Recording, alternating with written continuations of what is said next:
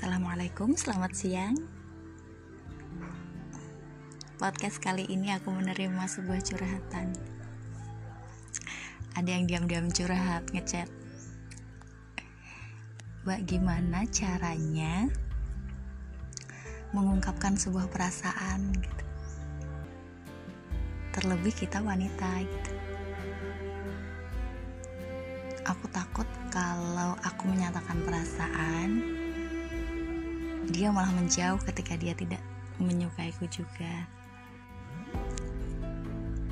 Sering nih cewek-cewek sering nih kayak gini nih menyukai seorang cowok. Cowoknya nggak peka nunggunya lama. Bisa-bisa kita mati rasa. Oke perasaan itu seperti laut. Jika sudah tak terkendali ia akan menghancurkan. Besar kemungkinan setiap orang pernah berada pada fase ini. Dilema antara tetap memendam perasaan atau menyatakan. Ada banyak hal yang menyebabkan seseorang memilih memendam. Takut perasaannya tidak terbalas. Meski tahu Kemungkinan terburuk dari mencintai hanyalah tidak dicintai kembali. Ya kan? Sesungguhnya tidak teramat buruk. Bahkan ada yang lebih buruk dari itu. Saat tidak berani menyatakan perasaan, kamu akan dihantui pertanyaan seumur hidup.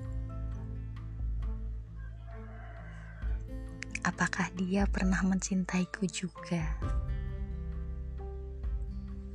Nah, pertanyaan itu akan menghantui terus. Banyak orang yang akhirnya menyesal. Seperti yang diceritakan di film-film dan buku-buku. Perasaan yang terlambat dinyatakan. Padahal sebenarnya dia mungkin punya perasaan yang sama, hanya saja tidak ada keberanian juga untuk menyatakan. Bisa saja seperti itu. Andai saja berani menyatakan, tentu tidak akan sesakit ketika sudah menyesal. Perasaan yang tumbuh di dada bukanlah perasaan yang salah. Setiap orang berhak dijatuhi cinta. Dan dari teori mana pun yang kamu pelajari, cinta tidak pernah salah. Perasaan adalah perasaan Meski saat jatuh dan membuat patah, cinta terlihat kejam dan menyakitkan. Namun harus diingat lagi, setiap hal yang jatuh selalu punya masa baik. Semisal buah yang jatuh, jika tak cepat diambil dan dimakan, akan menjadi buah yang busuk, atau mungkin akan diambil orang lain. Begitulah perasaan saat dia memilih jatuh di hatimu, kamu hanya punya pilihan mengambilnya dan menyatakan, atau membiarkan waktu membuatnya hilang, atau mungkin diambil orang lain. Sebab itu, jika kamu tidak ingin terlambat, jika kamu ingin memilih mengambilnya, memilih menyatakan perasaan, kupikir it's fine. Gak masalah perihal jenis kelamin, perempuan atau laki-laki. Sama saja, karena perihal perasaan semuanya sama. Laki-laki dan perempuan sama-sama ingin bahagia, bukan? Nyatakanlah perasaan agar kamu tahu apa yang sebenarnya dia juga rasakan. Sebab tugas orang menyatakan perasaan hanyalah menyatakan perasaan, hanya memberitahu bahwa ia punya perasaan, bukan memastikan perasaan itu terbalas. Perihal terbalas atau tidak, itu urusan lain.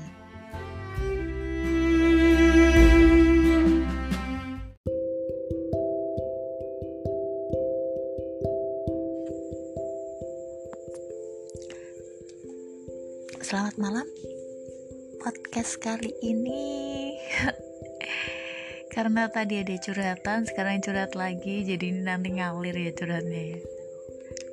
Terus banyak yang pengen curhat. Nggak gitu sih. Banyak yang pengen curhatnya didengerin sama orang-orang. Kali aja sasarannya dengerin juga. Asal jangan curhat dong mah. Gitu. Dikiranya mama dede ya udah nggak apa-apa. Kita kita dengerin aja curhatnya. Ini ada dari seseorang yang uh, pokoknya bacain aja deh. Kalau diibaratkan warna ini mungkin warna merah jambu muda. Lembut lucu dan bikin bahagia. Begitulah perasaan saat menikmati obrolan dengannya. Meski hanya melalui chatting, namun sungguh dia bahagia.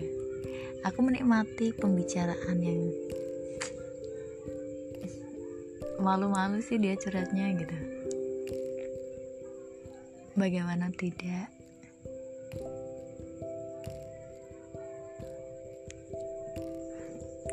Pokoknya aku bacain aja dulu ya. Aku harus menenangkan diri untuk membalas chatnya. Sumpah, ini bikin deg-degan. Kalau kamu pernah menanti momen pengumuman juara di sebuah lomba, barangkali ini lebih deg-degan dari itu. Aku bahkan menulis beberapa pesan lalu menghapusnya berulang-ulang sebelum akhirnya aku kirimkan kepadanya. Uh, sama sih kayaknya nggak kamu aja deh yang kayak gitu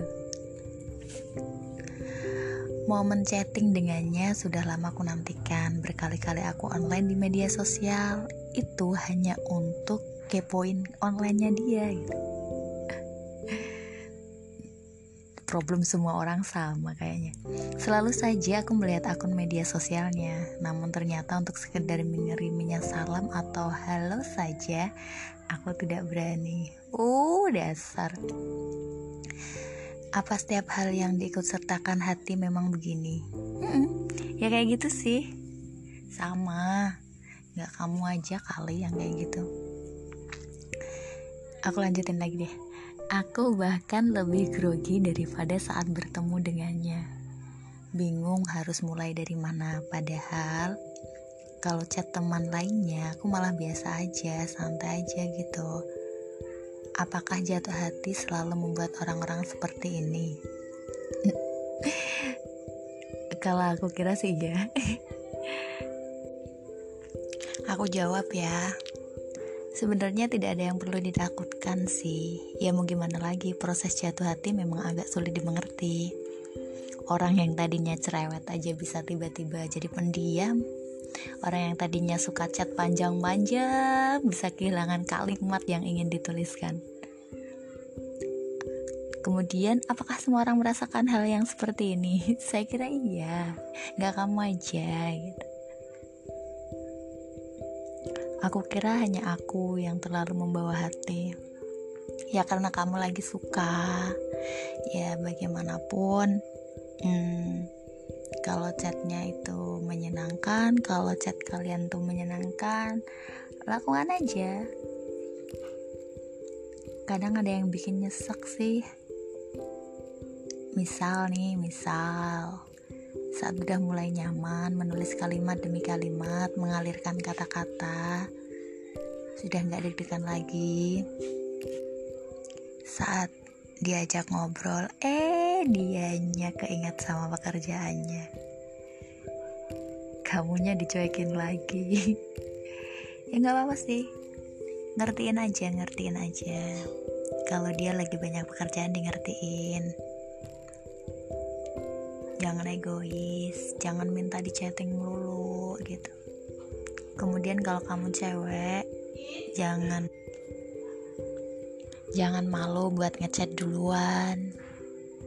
Kumpulkan keberanian. Chatting. Karena jatuh hati ternyata mengajarkan bagaimana caranya memberanikan diri. Juga mengajarkan bagaimana menjadi sabar saat ditinggal sendiri. Itu aja terima kasih curhatnya. Saya juga nggak bisa banyak-banyak ngasih solusi. Pokoknya saya mau dengerin aja gitu. Saya mau dengerin saya mau ngertiin gitu. Kalau untuk solusi karena saya bukan pakarnya jadi atau mungkin setelah ada orang yang mendengar ini dan kasusnya sama mungkin nanti ada tanggapan dari teman-teman yang lain. Oke terima kasih udah curhat. Assalamualaikum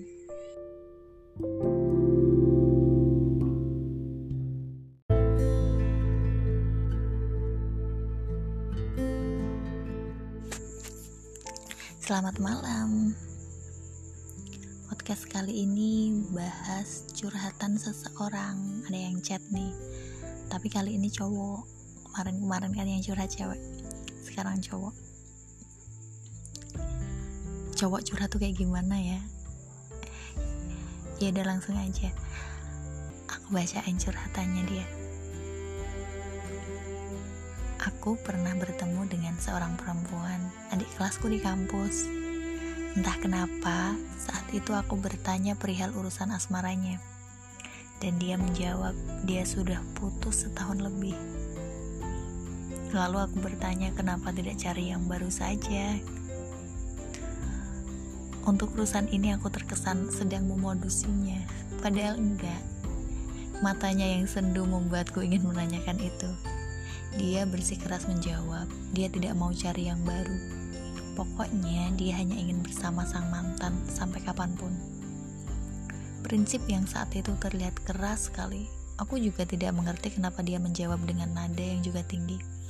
Seolah pertanyaan perihal melupakan adalah hal yang menyakiti. Beberapa minggu, bulan, aku masih bertanya apa dia masih ingin kembali pada mantan kekasihnya. Jawabannya tetap sama, dia hanya ingin mantan kekasihnya. Terlihat dari cara dia bicara, cintanya tak pernah berkurang. Dia masih menjaga hati seseorang yang mungkin saja tak lagi menjaga hatinya. Aku akhirnya menyerah. Barangkali perempuan kalau sudah cinta memang begitu. Hingga akhirnya kami jarang bertemu. Aku sibuk, dia entah ke mana.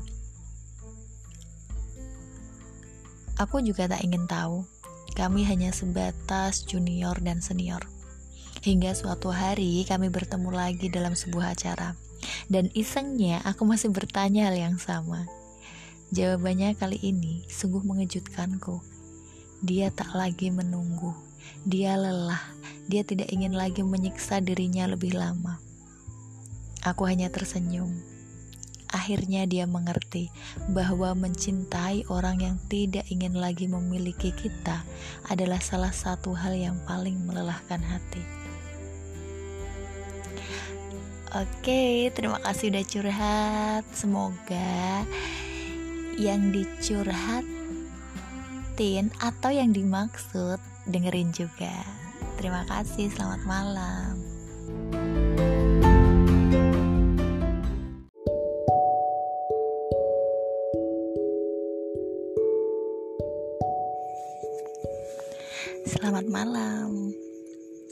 Podcast malam ini ada curhatan temen.